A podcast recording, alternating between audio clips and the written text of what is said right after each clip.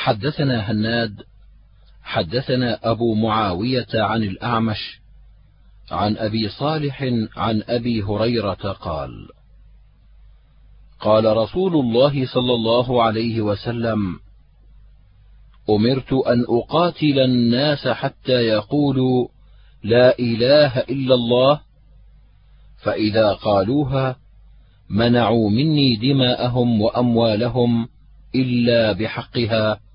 وحسابهم على الله.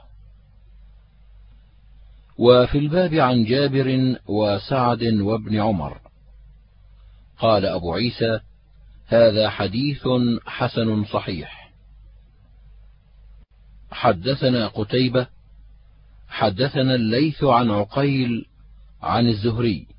أخبرني عبيد الله بن عبد الله بن عتبة بن مسعود عن أبي هريرة قال لما توفي رسول الله صلى الله عليه وسلم واستخلف أبو بكر بعده كفر من كفر من العرب فقال عمر بن الخطاب لأبي بكر كيف تقاتل الناس؟ وقد قال رسول الله صلى الله عليه وسلم أمرت أن أقاتل الناس حتى يقولوا لا إله إلا الله ومن قال لا إله إلا الله عصم مني ماله ونفسه إلا بحقه وحسابه على الله. قال أبو بكر والله لأقاتلن من فرق بين الزكاة والصلاة وإن الزكاة حق المال. والله لو منعوني عقالا كانوا يؤدونه إلى رسول الله صلى الله عليه وسلم لقاتلتهم على منعه. فقال عمر بن الخطاب فوالله ما هو إلا أن رأيت أن الله قد شرح صدر أبي بكر للقتال فعرفت أنه الحق. قال أبو عيسى هذا حديث حسن صحيح. وهكذا روى شعيب بن أبي حمزة عن الزهري عن عبيد الله بن عبد الله عن أبي هريرة. وروى عمران القطان هذا الحديث عن معمر عن الزهري عن أنس بن مالك عن أبي بكر وهو حديث خطأ وقد خولف عمران في روايته عن معمر.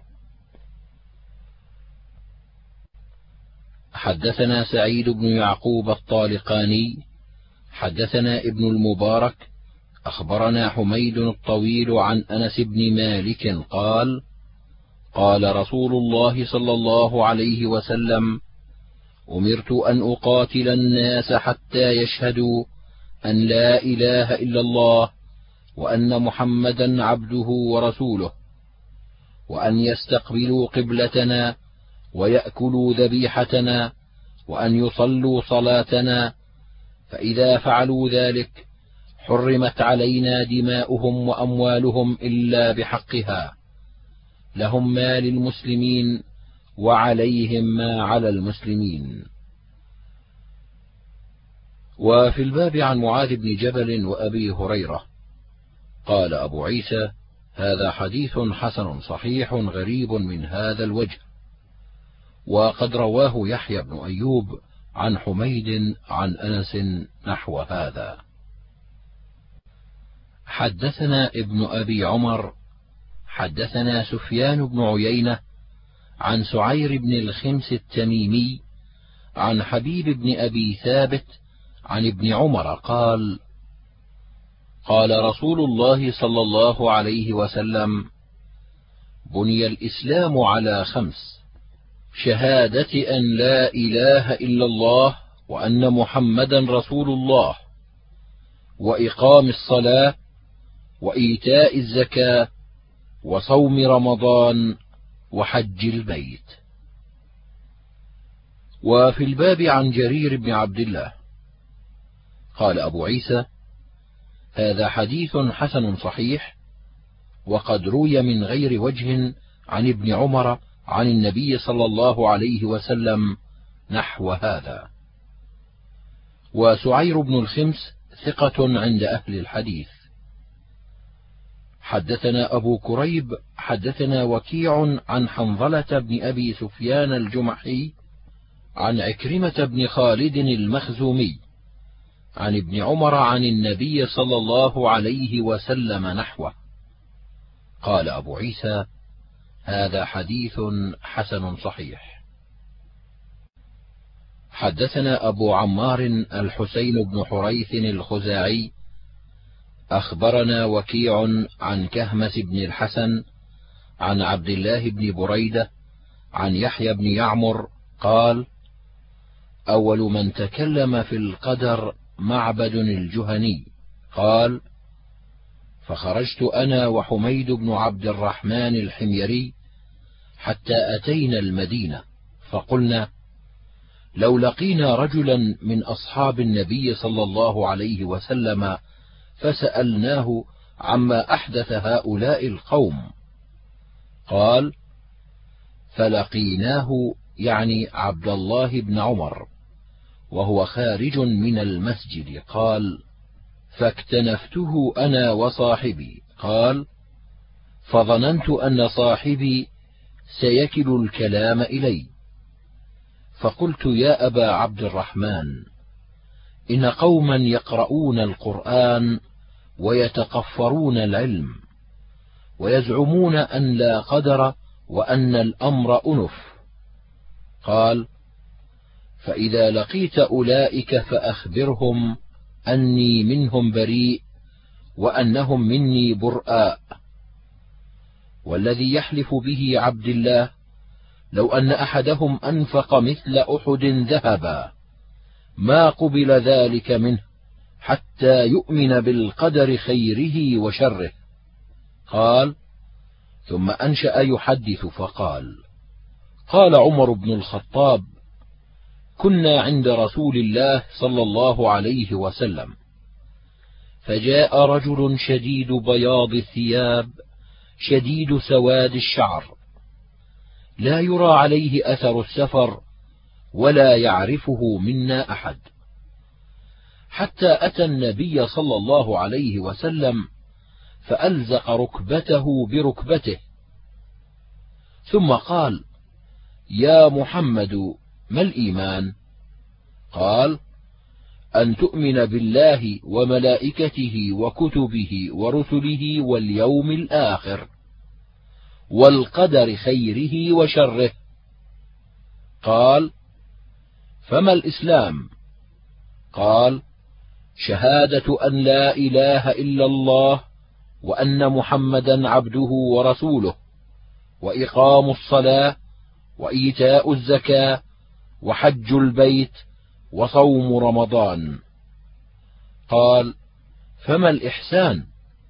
قال أن تعبد الله كأنك تراه فإنك إن لم تكن تراه فإنه يراك. قال في كل ذلك يقول له صدقت. قال فتعجبنا منه يسأله ويصدقه.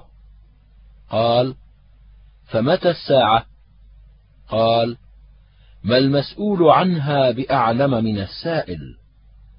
قال: فما أمارتها؟ قال: أن تلد الأمة ربتها، وأن ترى الحفاة العراة العالة أصحاب الشاء يتطاولون في البنيان.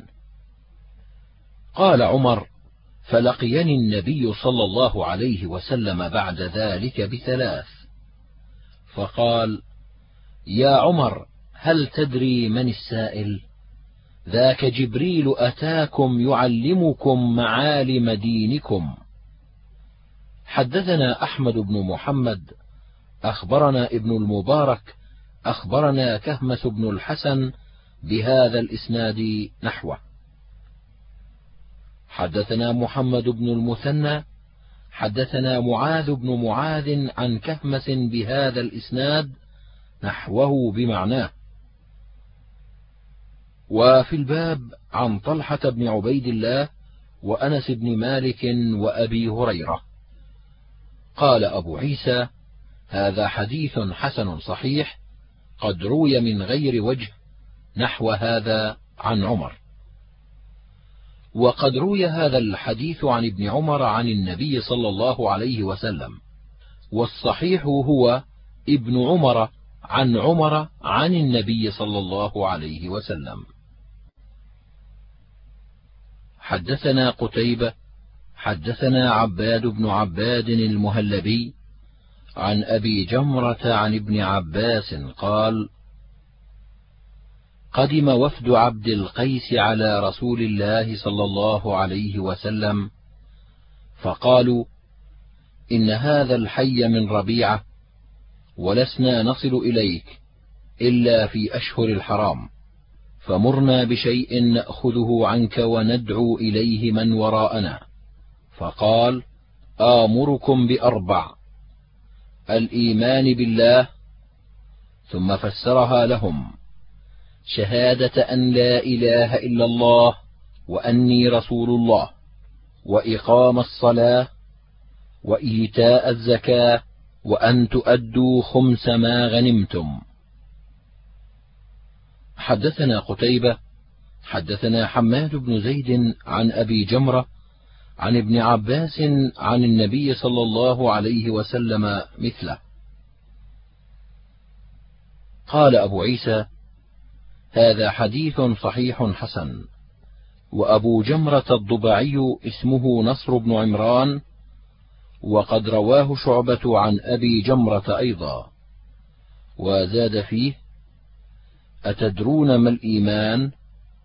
شهادة أن لا إله إلا الله وأني رسول الله. وذكر الحديث. سمعت قتيبة بن سعيد يقول ما رأيت مثل هؤلاء الأشراف الأربعة مالك بن أنس والليث بن سعد وعباد بن عباد المهلبي وعبد الوهاب الثقفي. قال قتيبة كنا نرضى أن نرجع من عند عباد كل يوم بحديثين وعباد بن عباد هو من ولد المهلب بن أبي صفرة حدثنا أحمد بن منيع البغدادي حدثنا إسماعيل بن علية حدثنا خالد الحذاء عن أبي قلابة عن عائشة قالت قال رسول الله صلى الله عليه وسلم إن من أكمل المؤمنين إيمانا أحسنهم خلقا وألطفهم بأهله. وفي الباب عن أبي هريرة وأنس بن مالك. قال أبو عيسى هذا حديث صحيح ولا نعرف لأبي قلابة سماعا من عائشة. وقد روى أبو قلابة عن عبد الله بن يزيد رضيع لعائشة عن عائشة غير هذا الحديث. وأبو قلابة عبد الله بن زيد الجرمي.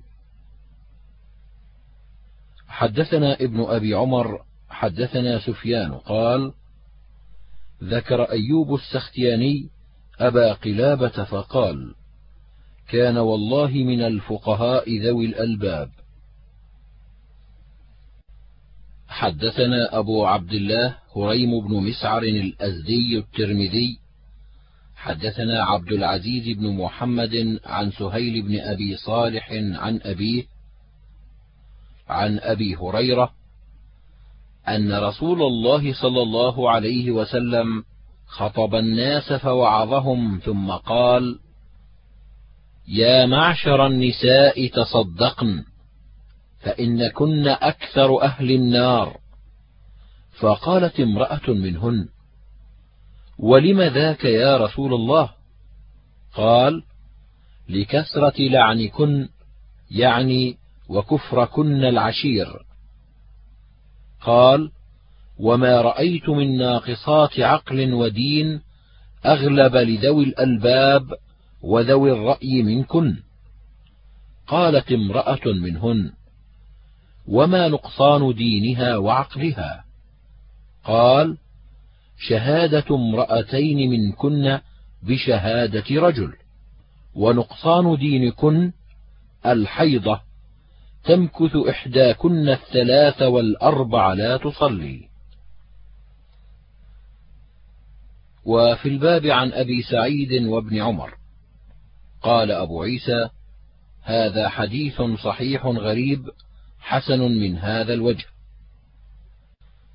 حدثنا أبو كريب حدثنا وكيع عن سفيان عن سهيل بن أبي صالح عن عبد الله بن دينار عن أبي صالح عن أبي هريرة قال قال رسول الله صلى الله عليه وسلم الإيمان بضع وسبعون بابا.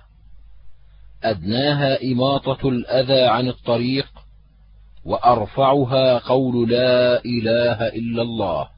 قال أبو عيسى هذا حديث حسن صحيح وهكذا روى سهيل بن أبي صالح عن عبد الله بن دينار عن أبي صالح عن أبي هريرة.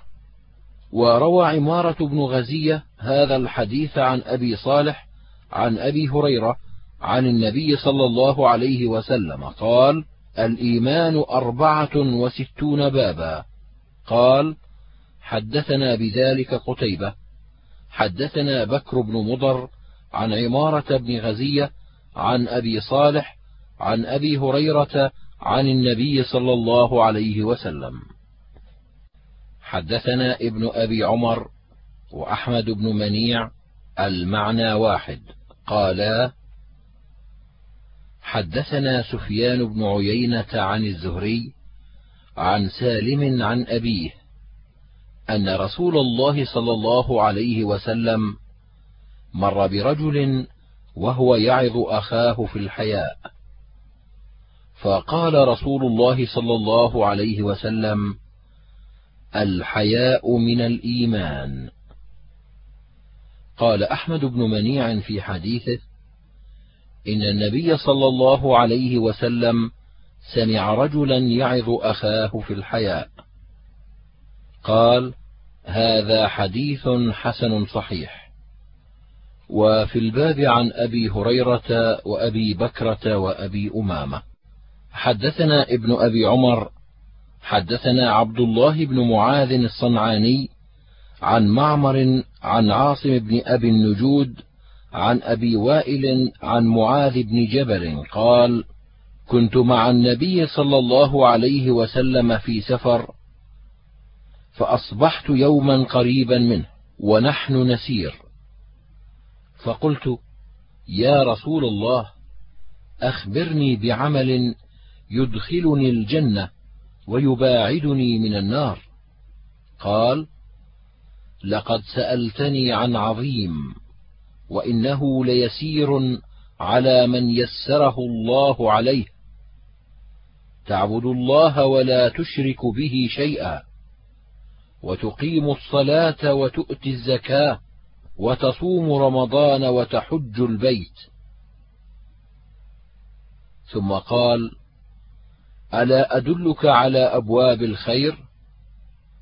الصوم جنة والصدقة تطفئ الخطيئة كما يطفئ الماء النار وصلاة الرجل من جوف الليل؟ قال ثم تلا تتجافى جنوبهم عن المضاجع حتى بلغ يعملون. ثم قال ألا أخبرك برأس الأمر كله وعموده وذروة سنامه؟ قلت بلى يا رسول الله. قال رأس الأمر الإسلام وعموده الصلاة وذروة سنامه الجهاد. ثم قال ألا أخبرك بملاك ذلك كله؟ قلت بلى يا نبي الله. فأخذ بلسانه قال كف عليك هذا. فقلت يا نبي الله وإنا لمؤاخذون بما نتكلم به. فقال ثكلتك أمك يا معاذ وهل يكب الناس في النار على وجوههم أو على مناخرهم إلا حصائد ألسنتهم؟ قال أبو عيسى هذا حديث حسن صحيح. حدثنا ابن أبي عمر حدثنا عبد الله بن وهب عن عمرو بن الحارث عن دراج أبي السمح عن أبي الهيثم عن أبي سعيد قال قال رسول الله صلى الله عليه وسلم إذا رأيتم الرجل يتعاهد المسجد فاشهدوا له بالإيمان. فإن الله تعالى يقول إنما يعمر مساجد الله من آمن بالله واليوم الآخر وأقام الصلاة وآتى الزكاة. الآية. قال أبو عيسى هذا حديث غريب حسن. حدثنا قتيبة حدثنا جرير وأبو معاوية عن الأعمش عن أبي سفيان عن جابر أن النبي صلى الله عليه وسلم قال بين الكفر والإيمان ترك الصلاة. حدثنا هناد حدثنا اسباط بن محمد عن الأعمش بهذا الإسناد نحوه وقال بين العبد وبين الشرك أو الكفر ترك الصلاة. قال أبو عيسى هذا حديث حسن صحيح وأبو سفيان اسمه طلحة بن نافع. حدثنا هناد حدثنا وكيع عن سفيان عن أبي الزبير عن جابر قال قال رسول الله صلى الله عليه وسلم بين العبد وبين الكفر ترك الصلاة. قال أبو عيسى هذا حديث حسن صحيح وأبو الزبير اسمه محمد بن مسلم بن تدرس. حدثنا أبو عمار الحسين بن حريث ويوسف بن عيسى قالا حدثنا الفضل بن موسى عن الحسين بن واقد وحدثنا أبو عمار الحسن بن حريث ومحمود بن غيلان قالا حدثنا علي بن الحسين بن واقد عن أبيه قال وحدثنا محمد بن علي بن الحسن الشقيقي ومحمود بن غيلان قالا حدثنا علي بن الحسن بن شقيق عن الحسين بن واقد عن عبد الله بن بريدة عن أبيه قال قال رسول الله صلى الله عليه وسلم العهد الذي بيننا وبينهم الصلاة فمن تركها فقد كفر. وفي الباب عن أنس وابن عباس. قال أبو عيسى هذا حديث حسن صحيح غريب. حدثنا قتيبة حدثنا بشر بن المفضل عن الجريري عن عبد الله بن شقيق العقيلي قال كان أصحاب محمد صلى الله عليه وسلم لا يرون شيئا من الأعمال تركه كفر غير الصلاة. قال أبو عيسى سمعت أبا مصعب المدني يقول من قال الإيمان قول يستتاب فإن تاب وإلا ضربت عنقه. حدثنا قتيبة حدثنا الليث عن ابن الهاد عن محمد بن إبراهيم بن الحارث عن عامر بن سعد بن أبي وقاص عن العباس بن عبد المطلب أنه سمع رسول الله صلى الله عليه وسلم يقول ذاق طعم الإيمان من رضي بالله ربا وبالإسلام دينا وبمحمد نبيا. قال أبو عيسى هذا حديث حسن صحيح. حدثنا ابن أبي عمر حدثنا عبد الوهاب عن أيوب عن قلابة عن أنس أن رسول الله صلى الله عليه وسلم قال ثلاث من كن فيه وجد بهن طعم الإيمان. من كان الله ورسوله أحب إليه مما سواهما وأن يحب المرء لا يحبه إلا لله وأن يكره أن يعود في الكفر بعد إذ أنقذه الله منه كما يكره أن يقذف في النار. قال أبو عيسى هذا حديث حسن صحيح وقد رواه قتادة عن أنس عن النبي صلى الله عليه وسلم. حدثنا أحمد بن منيع حدثنا عبيدة بن حميد عن الأعمش عن أبي صالح عن أبي هريرة قال قال رسول الله صلى الله عليه وسلم لا يزني الزاني حين يزني وهو مؤمن ولا يسرق السارق حين يسرق وهو مؤمن ولكن التوبة معروضة. وفي الباب عن ابن عباس وعائشة وعبد الله بن أبي أوفى. قال أبو عيسى حديث أبي هريرة حديث حسن صحيح غريب من هذا الوجه. وقد روي عن أبي هريرة عن النبي صلى الله عليه وسلم قال إذا زنى العبد خرج منه الإيمان فكان فوق رأسه كالظلة فإذا خرج من ذلك العمل عاد إليه الإيمان. وقد روي عن أبي جعفر محمد بن علي أنه قال في هذا خرج من الإيمان إلى الإسلام. وقد روي من غير وجه عن النبي صلى الله عليه وسلم أنه قال في الزنا والسرقة من أصاب من ذلك شيئا فأقيم عليه الحد فهو كفارة ذنبه. ومن أصاب من ذلك شيئا فستر الله عليه فهو إلى الله إن شاء عذبه يوم القيامة وإن شاء غفر له. روى ذلك علي بن أبي طالب وعبادة بن الصامت وخزيمة بن ثابت عن النبي صلى الله عليه وسلم. حدثنا أبو عبيدة بن أبي السفر واسمه أحمد بن عبد الله الهمداني الكوفي. قال حدثنا حجاج بن محمد عن يونس بن أبي إسحاق. عن أبي إسحاق الهمداني عن أبي جحيفة عن علي عن النبي صلى الله عليه وسلم قال من أصاب حدا فعجل عقوبته في الدنيا فالله أعدل من أن يثني على عبده العقوبة في الآخرة. ومن أصاب حدا فستره الله عليه وعفى عنه فالله أكرم من أن يعود إلى شيء قد عفى عنه. قال أبو عيسى وهذا حديث حسن غريب صحيح.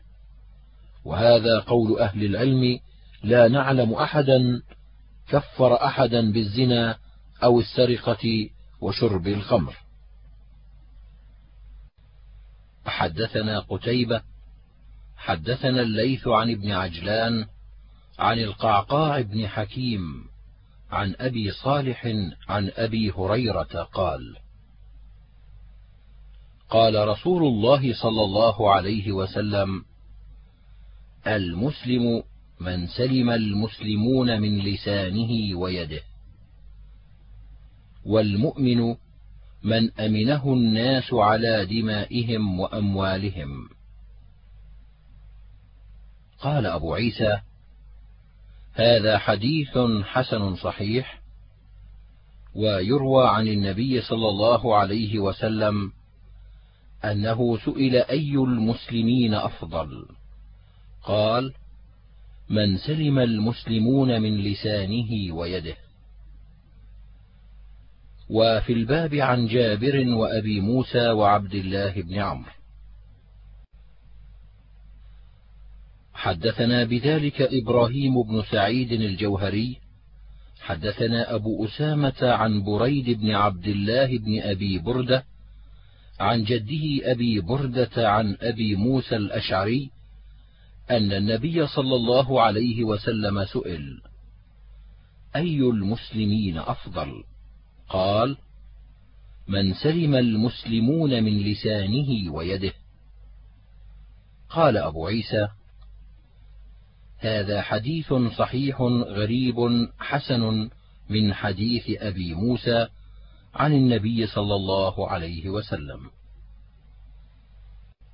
حدثنا أبو كريب أخبرنا حفص بن غياث عن الأعمش عن أبي إسحاق عن أبي الأحوص عن عبد الله قال قال رسول الله صلى الله عليه وسلم إن الإسلام بدأ غريبا وسيعود غريبا كما بدأ.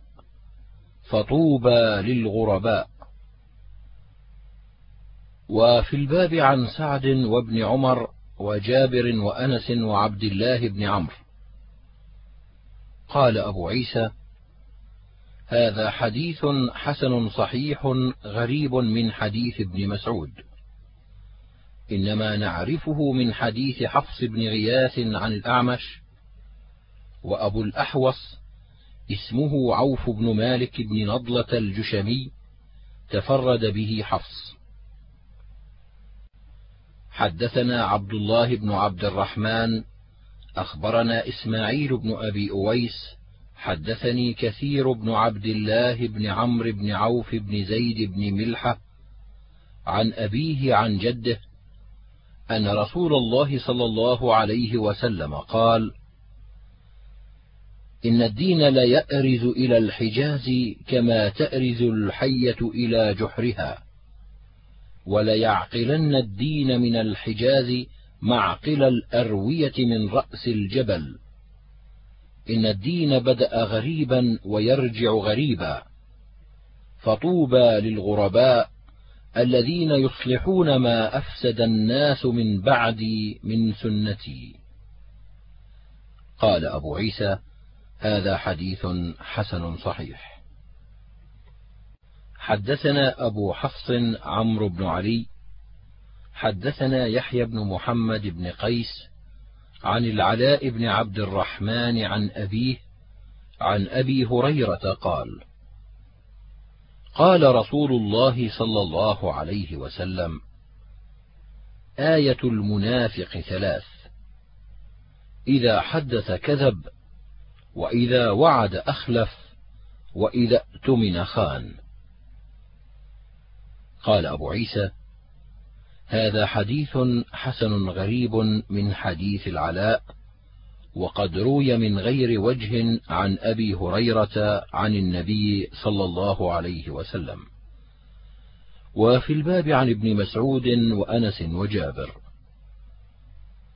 حدثنا علي بن حجر حدثنا إسماعيل بن جعفر عن أبي سهيل بن مالك عن أبيه عن أبي هريرة عن النبي صلى الله عليه وسلم نحوه بمعناه. قال أبو عيسى هذا حديث صحيح وأبو سهيل هو عم مالك بن أنس واسمه نافع بن مالك بن أبي عامر الأصبحي الخولاني. حدثنا محمود بن غيلان حدثنا عبيد الله بن موسى عن سفيان عن الأعمش عن عبد الله بن مرة عن مسروق عن عبد الله بن عمرو عن النبي صلى الله عليه وسلم قال أربع من كن فيه كان منافقا وإن كانت خصلة منهن فيه كانت فيه خصلة من النفاق حتى يدعها.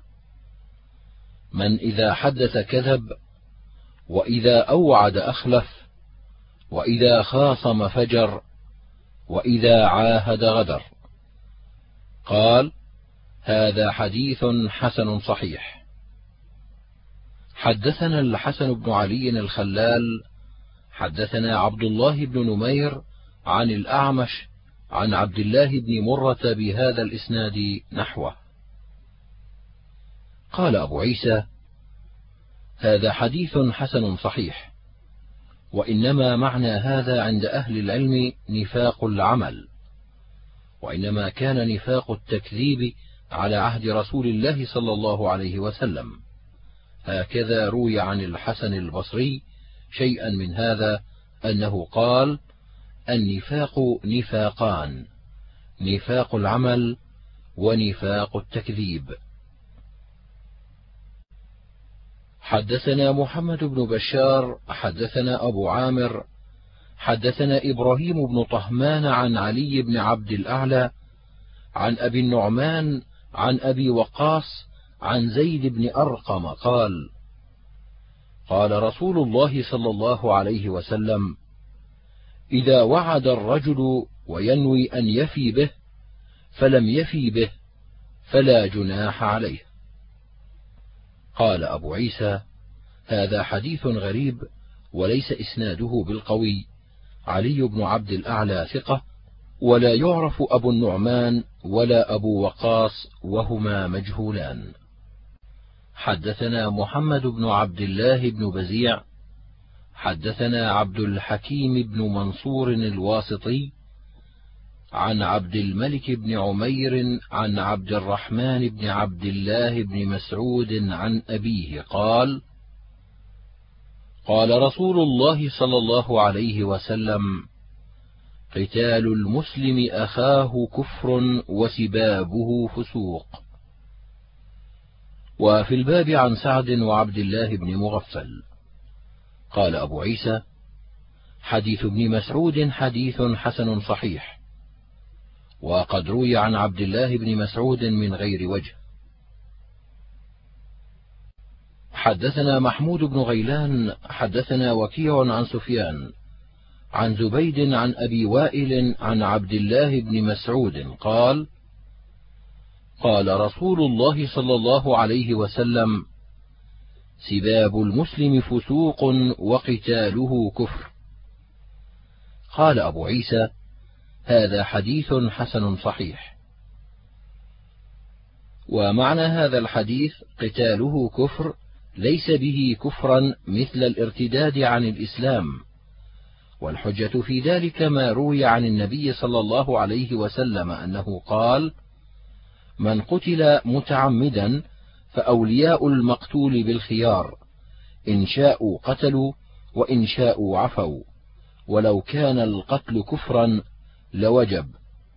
وقد روي عن ابن عباس وطاووس وعطاء وغير واحد من أهل العلم قالوا كفر دون كفر وفسوق دون فسوق. حدثنا أحمد بن منيع حدثنا إسحاق بن يوسف الأزرق عن هشام الدستوائي عن يحيى بن أبي كثير عن أبي قلابة عن ثابت بن الضحاك عن النبي صلى الله عليه وسلم قال ليس على العبد نذر فيما لا يملك ولا عن المؤمن كقاتله. ومن قذف مؤمنا بكفر فهو كقاتله ومن قتل نفسه بشيء عذبه الله بما قتل به نفسه يوم القيامة. وفي الباب عن أبي ذر وابن عمر. قال أبو عيسى هذا حديث حسن صحيح. حدثنا قتيبة عن مالك عن عبد الله بن دينار عن ابن عمر عن النبي صلى الله عليه وسلم قال أيما رجل قال لأخيه كافر فقد باء به أحدهما. هذا حديث حسن صحيح غريب. ومعنى قوله باء يعني أقر. حدثنا قتيبة حدثنا الليث عن ابن عجلان عن محمد بن يحيى بن حبان عن ابن محيريز عن الصنابحي عن عبادة بن الصامت أنه قال دخلت عليه وهو في الموت فبكيت.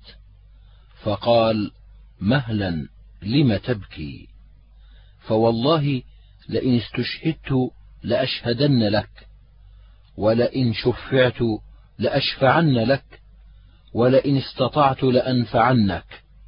ثم قال والله ما من حديث سمعته من رسول الله صلى الله عليه وسلم لكم فيه خير إلا حدثتكموه إلا حديثا واحدا. وسوف أحدثكموه اليوم وقد أحيط بنفسي. سمعت رسول الله صلى الله عليه وسلم يقول من شهد أن لا إله إلا الله وأن محمدا رسول الله حرم الله عليه النار. وفي الباب عن أبي بكر وعمر وعثمان وعلي وطلحة وجابر وابن عمر وزيد بن خالد قال سمعت ابن أبي عمر يقول سمعت ابن عيينة يقول محمد بن عجلان كان ثقة مأمونا في الحديث. قال أبو عيسى هذا حديث حسن صحيح غريب من هذا الوجه. والصنابحي هو عبد الرحمن بن عسيلة أبو عبد الله. وقد روي عن الزهري أنه سئل عن قول النبي صلى الله عليه وسلم من قال لا إله إلا الله دخل الجنة. فقال إنما كان هذا في أول الإسلام قبل نزول الفرائض والأمر والنهي. قال أبو عيسى ووجه هذا الحديث عند بعض أهل العلم أن أهل التوحيد سيدخلون الجنة وإن عذبوا بالنار بذنوبهم فإنهم لا يخلدون في النار وقد روي عن عبد الله بن مسعود وأبي ذر وعمران بن حسين وجابر بن عبد الله وابن عباس وأبي سعيد الخدري وأنس بن مالك عن النبي صلى الله عليه وسلم أنه قال: سيخرج قوم من النار من أهل التوحيد ويدخلون الجنة. هكذا روي عن سعيد بن جبير وإبراهيم النخعي وغير واحد من التابعين. وقد روي من غير وجه عن أبي هريرة عن النبي صلى الله عليه وسلم في تفسير هذه الآية. ربما يود الذين كفروا لو كانوا مسلمين قالوا إذا أخرج أهل التوحيد من النار وأدخلوا الجنة ود الذين كفروا لو كانوا مسلمين. حدثنا سويد بن نصر أخبرنا عبد الله عن ليث بن سعد. حدثني عامر بن يحيى عن أبي عبد الرحمن المعافري ثم الحبلي قال سمعت عبد الله بن عمرو بن العاص يقول قال رسول الله صلى الله عليه وسلم إن الله سيخلص رجلا من أمتي على رؤوس الخلائق يوم القيامة فينشر عليه تسعة وتسعين سجلا كل سجل مثل مد البصر. ثم يقول أتنكر من هذا شيئا؟ أظلمك كتبتي الحافظون؟ فيقول لا يا رب. فيقول أفلك عذر؟ فيقول لا يا رب. فيقول بلى إن لك عندنا حسنة فإنه لا ظلم عليك اليوم. فتخرج بطاقة فيها أشهد أن لا إله إلا الله وأشهد أن محمدا عبده ورسوله. فيقول احضر وزنك. فيقول يا رب ما هذه البطاقة مع هذه السجلات؟ فقال إنك لا تظلم. قال فتوضع السجلات في كفة والبطاقة في كفة. فطاشت السجلات وثقلت البطاقة. فلا يثقل مع اسم الله شيء. قال أبو عيسى هذا حديث حسن غريب. حدثنا قتيبة حدثنا ابن لهيعة عن عامر بن يحيى بهذا الإسناد نحوه. حدثنا الحسين بن حريث أبو عمار حدثنا الفضل بن موسى عن محمد بن عمرو عن أبي سلمة عن أبي هريرة أن رسول الله صلى الله عليه وسلم قال: تفرقت اليهود على إحدى وسبعين أو اثنتين وسبعين فرقة والنصارى مثل ذلك. وتفترق أمتي على ثلاث وسبعين فرقة. وفي الباب عن سعد وعبد الله بن عمرو وعوف بن مالك. قال أبو عيسى حديث أبي هريرة حديث حسن صحيح.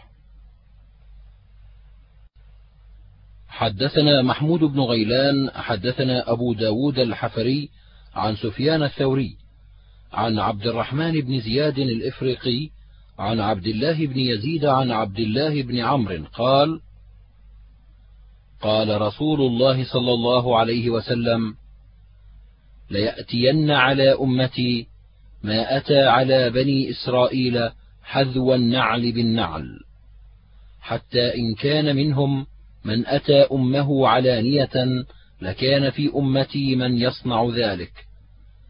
وإن بني إسرائيل تفرقت على ثنتين وسبعين ملة وتفترق أمتي على ثلاث وسبعين ملة. كلهم في النار إلا ملة واحدة. قالوا ومن هي يا رسول الله؟ قال ما أنا عليه وأصحابي. قال أبو عيسى هذا حديث مفسر غريب لا نعرفه مثل هذا إلا من هذا الوجه. حدثنا الحسن بن عرفة حدثنا إسماعيل بن عياش عن يحيى بن أبي عمرو الشيباني عن عبد الله بن الديلمي قال سمعت عبد الله بن عمرو يقول سمعت رسول الله صلى الله عليه وسلم يقول إن الله عز وجل خلق خلقه في ظلمة فألقى عليهم من نوره فمن أصابه من ذلك النور اهتدى ومن أخطأه ضل. فلذلك أقول جف القلم على علم الله. قال أبو عيسى هذا حديث حسن. حدثنا محمود بن غيلان حدثنا أبو داود حدثنا سفيان عن أبي إسحاق عن عمرو بن ميمون عن معاذ بن جبل قال قال رسول الله صلى الله عليه وسلم أتدرون ما حق الله على العباد؟ قلت الله ورسوله أعلم. قال فإن حقه عليهم أن يعبدوه ولا يشركوا به شيئا. قال أتدري ما حقهم عليه إذا فعلوا ذلك؟ قلت الله ورسوله أعلم. قال أن لا يعذبهم. هذا حديث حسن صحيح وقد روي من غير وجه عن معاذ بن جبل. حدثنا محمود بن غيلان حدثنا أبو داود. أخبرنا شعبة عن حبيب بن أبي ثابت وعبد العزيز بن رفيع والأعمش كلهم سمعوا زيد بن وهب عن أبي ذر أن رسول الله صلى الله عليه وسلم قال: أتاني جبريل فبشرني فأخبرني أنه من مات لا يشرك بالله شيئا دخل الجنة. قلت: وإن زنى وإن سرق؟ قال: نعم. قال أبو عيسى: هذا حديث حسن صحيح. وفي الباب عن أبي الدرداء